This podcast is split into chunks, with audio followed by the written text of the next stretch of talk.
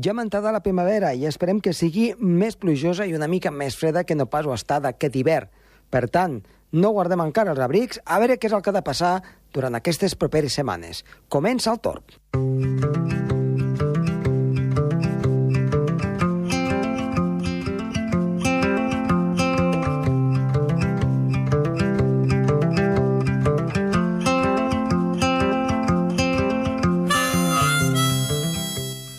Doncs en l'espai d'avui del Tor va força ple. Parlarem primer de tot amb Gerard Tauler sobre la sequera. També amb Sergi Càrteles sobre aquest inici de primavera. I atenció, a més a més de parlar amb el Sergi sobre el polen, ens anirem a recuperar una petita entrevista que vam tenir amb el nostre company Roger Soler, que parlava justament sobre la radiació solar i sobre aquest temps que comença ara, que és la primavera. Per tant, un programa molt primaveral, tot acompanyat també de la previsió del temps pel cap de setmana. Som-hi!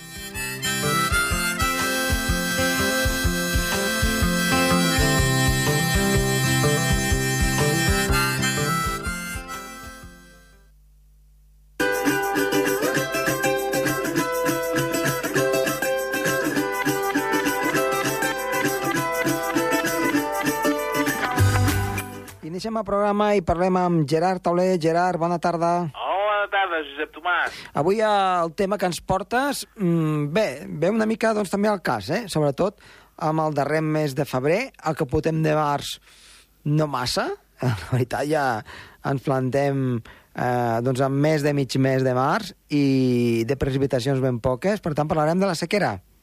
Sí, de la sequera. Doncs què, què en podem dir d'aquest terme? Va, la sequera és un dèficit pluviomètric que, que, que no saps ben bé quan comença ni quan acaba. Que a diferència d'uns altres fenòmens meteorològics que es poden especificar en el temps, una borrasca, un una fred que saps més o menys qu quan dura, doncs una sequera eh, és un fenomen més climàtic gairebé que meteorològic. És l'absència de pluja i que també depèn de, de si abans ha plogut o no.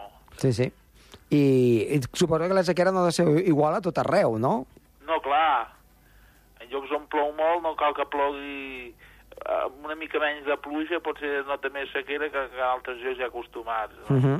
Com al País Basc, allà la- l'any 1989 amb 700 o 800 litres va haver-hi sequera i en canvi eh, allà a Almeria amb aquesta quantitat doncs estaríem ben contents perquè allà no ha pogut mai 800 litres. Clar, eh, com a molt 300 i justet, no? Sí. Sí, sí, en canvi aquell any, el 89, va ploure molt cap al llevant. Eren situacions d'anticicló de, de bloqueig amb, amb Mhm. llevant. Sí. Molt bé, i... Uh, la sequera són realment situacions de, això, de, de dèficit d'aigua que, que són sobretot lligades a anticiclons de bloqueig. No? Mhm. El moviment de, de la circulació general atmosfèrica a les nostres latituds normalment fa que les depressions en, ens, en, de tant en tant ens passi, o si no un front fred, sí?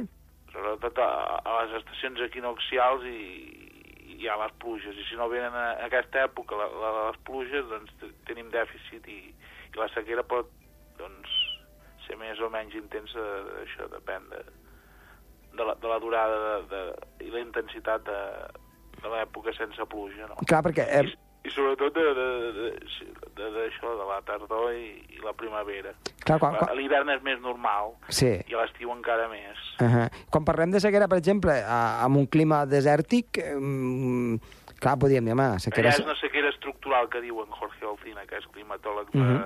la Universitat d'Alacant. Sí. Llavors, a, mi el que em sobta una mica, eh, ho posarem així amb èmfasis, és de que a vegades parlen de que, no sé si ho has sentit mai, que hi ha hagut una embruna a zones d'Etiòpia anys enrere degut a, a una sequera eh, molt perllongada, i dius, però, home, però és que allí hi plou poc sempre, com pot Sí, haver sequera? Eh, però aquest poc que plou no deu ploure, suposo. Clar, clar. Eh, aquí determinaríem, no? Si plou només 50 litres, no és que no en caiguin més de 20. Uh -huh. I a, o que estigui any, diversos anys sense ploure. Ja. uh -huh. Hi ha el cas d'Iquique, allà a Xile, em sembla que és, Sí. que van estar 14 anys sense ploure. Sí. Llavors, és com hi pots dir això, sequera o... o, ja no saps com dir-ho, eh? No, Els paraigües només... Clar, hi ha diferents tipus de sequera, la Sí. meteorològica, la hidrològica. Ara mateix tenim sequera meteorològica, però hidrològica no, perquè uh -huh. passat va ploure molt. Sí, sí, sí. Evidentment, evidentment.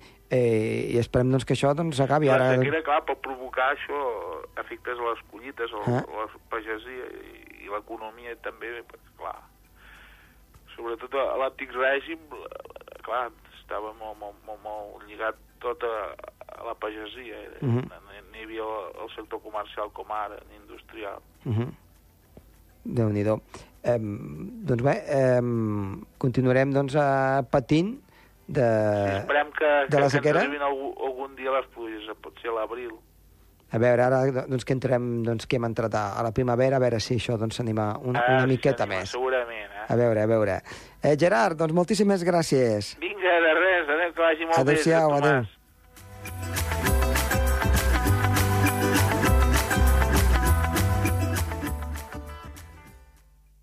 El Torb, amb Josep Tomàs.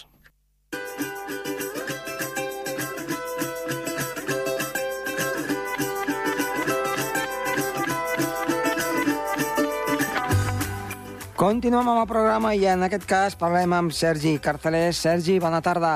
Hola, bona tarda. Doncs bé, ja, ja estem a primavera. Sí, ja estem a primavera, ara ja començarem a veure els camps florits, els arbres, doncs eh, els que eren de fulla caduca ja començaran a treure les seves fulles, encara que aquest, aquest any s'han adelantat una mica a causa d'aquestes temperatures que hem tingut elevades aquests Mhm. dies anteriors.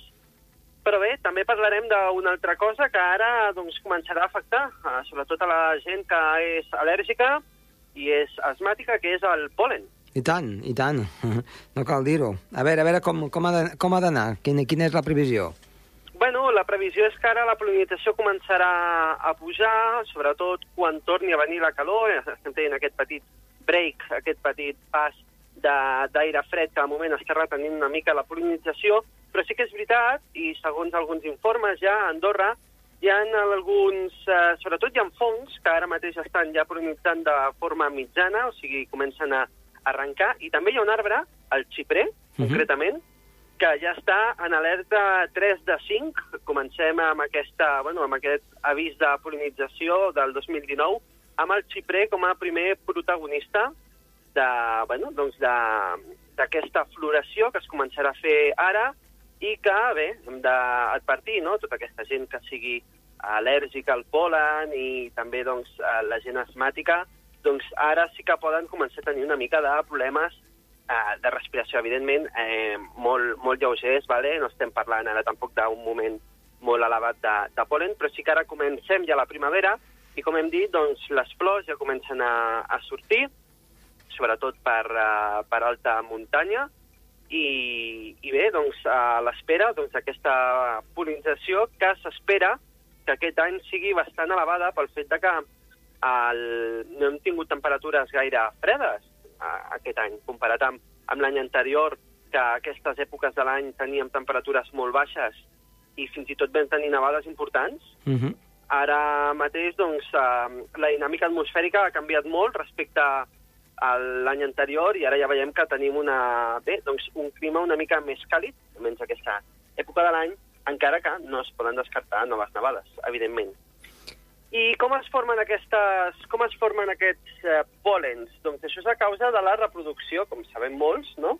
de la reproducció de les plantes, que el que fan és doncs, eh, distribuir doncs, totes aquestes llavors que tenen les plantes, sobretot les flors i també algunes fruites, i s'encarreguen doncs, de, com diuen, eh, polinitzar o eh, escampar doncs, aquestes llavors al redador de tot el, bé, de tot el, tot el terra en el qual permetin el creixement d'aquestes plantes. Hi ha molts pòlens de, de molts tipus, fins i tot hi ha pòlens, com diem, d'alguns fongs, i és que hi ha alguns fongs que no només tenen una alta activitat a la primavera, sinó també a la tardor. I aquí és quan entren en, en, en escena els bolets. I és que els bolets no només creixen a la, a la tardor, sinó que també creixen a la primavera. I ara seria, o començarà a ser, una bona època per tenir una segona tongada de, de bolets. Uh -huh. Ja veurem més endavant, aviam si aquests bolets van creixent. I bé, uh, segurament tu sabràs eh, quin és el, un dels eh, transportadors principals del polen, no? Doncs home, ara mateix eh, jo diria el vent. Mira, ara està, jo estava pensant una cosa diferent. Sí, el, el vent té un paper, un paper molt important, però també I són els les abelles. insectes, exacte, les, els insectes també, clar, Els evidentment. insectes, les abelles, ara ja veurem com començaran a també treure el cap, i és que ara les abelles doncs, ja començaran a, doncs, a utilitzar tot aquest polen per crear nèctar, per crear mel, i ara ja començarem a veure també amb aquest augment de temperatures que tindrem pròximament, doncs com els insectes ja començaran a, a, treure, a treure el cap. Jo és una cosa que no m'alegro molt, perquè jo els insectes els tinc una mica d'angúnia, però evidentment són necessaris per l'ecosistema. Jo quan has, has parlat d'això del transport, clar, he pensat en aquest, en aquest nivell de, dels xipresos, que moltes vegades quan fa vent es veu aquelles cortines grogues que surten dels Sí. xipresos. No sé si ho has vist mai, de, Sí, de, de, de, sí, sí. de, de polinització. Clar, depèn del tipus d'arbre, també, no? De com... El xiprès és un dels arbres que, diguem-ne, es polinitzen més, més pel vent que no pas per una altra cosa, però sí tens raó que tots els arbres fruiters, eh, si no és pels insectes, eh, ho tindríem bastant malament. Sí, a part, els xiprers, com dius tu, clar, són uns arbres que són bastant primers Uh -huh. i, i són molt alts. Llavors, què passa? Que el vent sí que els, els sacseja, no? Bastant, I, clar. I, sí, sí, i, i la veritat és que doncs, crea aquestes cortines de, de polen, que, per cert, eh, no ho hem dit encara, aquest polen també afectarà les ciutats en el cas de que ara veurem com segurament ens comencen a enfarinar els cotxes. Uh -huh. I Això tant. és, és, semblant a la, és semblant a la pluja de, de fang, Sí. que passa és que, per sort, el, el polen aquest que es distribueix per les ciutats i que ens enfarinen els cotxes, les cases, etc, el polen és més fàcil de treure que el fang, eh? això sí. Doncs molt bé, Sergi, eh, ho tenim en compte. Ja estem a la primavera i, per tant, a veure a veure què és el que ens porta en general. Eh, una abraçada molt forta. Molt bé, que vagi bé. Adéu-siau.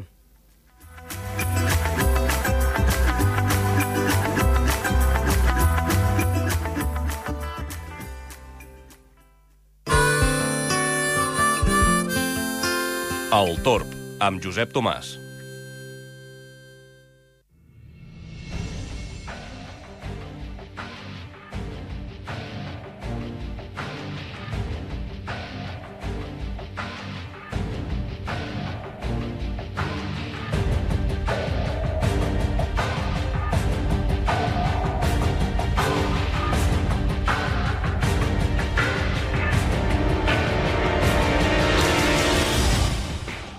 Tarda, Josep, en el primer dia de primavera, oficial, eh? Doncs sí, sí, sí, ja ahir vam entrar a la primavera i ja que estem tan primaverals, què ens portes per aquesta setmana? Doncs aquesta setmana portarem un concepte important, sobretot per eh, informar la gent i per alertar la gent sobre els perills de la radiació ultraviolada. Explicarem què és això, perquè en mitjans eh, se sent molt, però potser la gent no acaba de percebre què és exactament la radiació ultraviolada. Què seria ben bé? Doncs eh, primer hem d'abastar un altre concepte que s'anomena l'es- l'espectre electromagnètic. Què seria? Doncs el conjunt de totes les possibles ones, la descomposició d'una radiació en funció de la freqüència, l'energia, la intensitat i la longitud d'ona.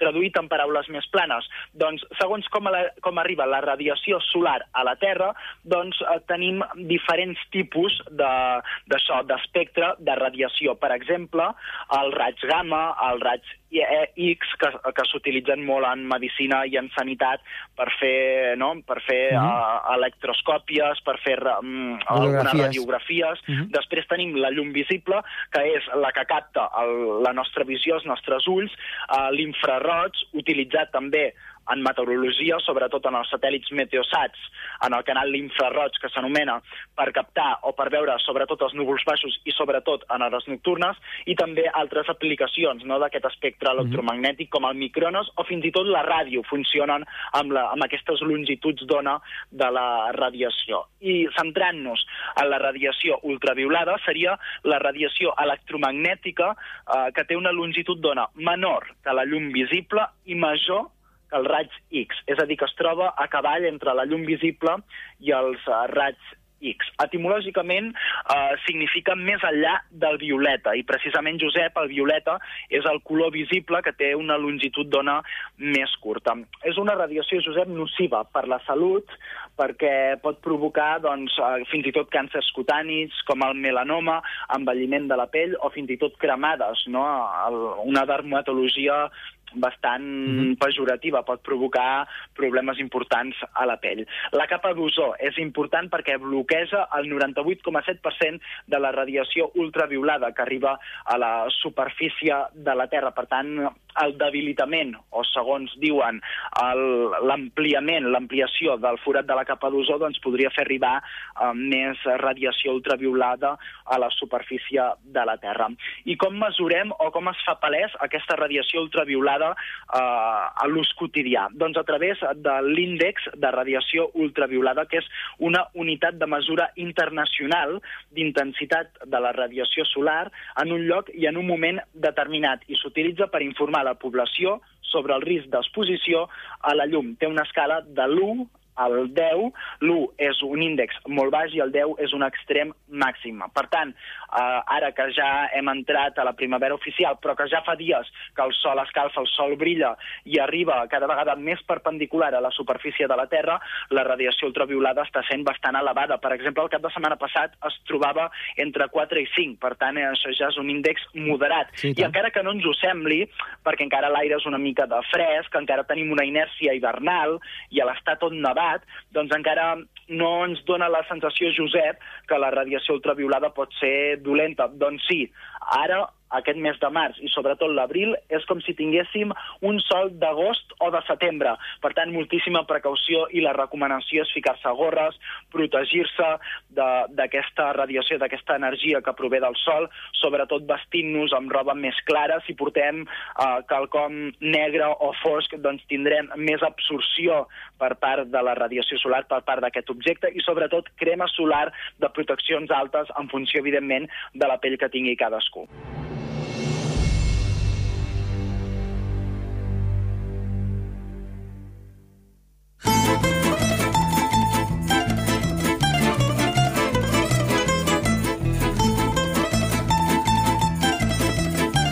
Doncs anem per la previsió meteorològica que apunta força estable, potser amb alguna que altra nuvolada, diumenge a la tarda, eh, difícilment amb cap precipitació i unes temperatures que pugen lleugerament, però no massa. I és que, de fet, el que s'espera és que la situació meteorològica sigui d'estabilitat i de fred a l'alta muntanya durant la nit. Les màximes agradables, primaverals, però tampoc pujaran excessivament. Per tant, a l'alta muntanya ens trobarem una neu a primera hora del matí eh, força gelada, mentre que al migdia ja a partir del migdia primera de la tarda una mica primavera a les zones més baixes i eh, amb vent en general que ha de ser fluix es pot reforçar una mica diumenge a la tarda a vespre.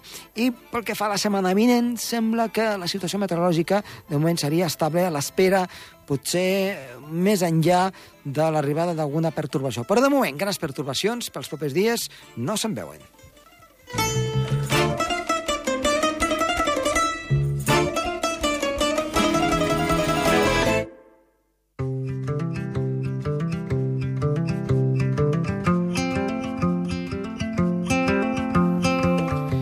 Doncs hem arribat a la fi del programa, esperem que els hi hagi agradat. Està de les vies de so Oriol Truix i que els ha parlat de molt de gust, Josep Tomàs. Adéu-siau.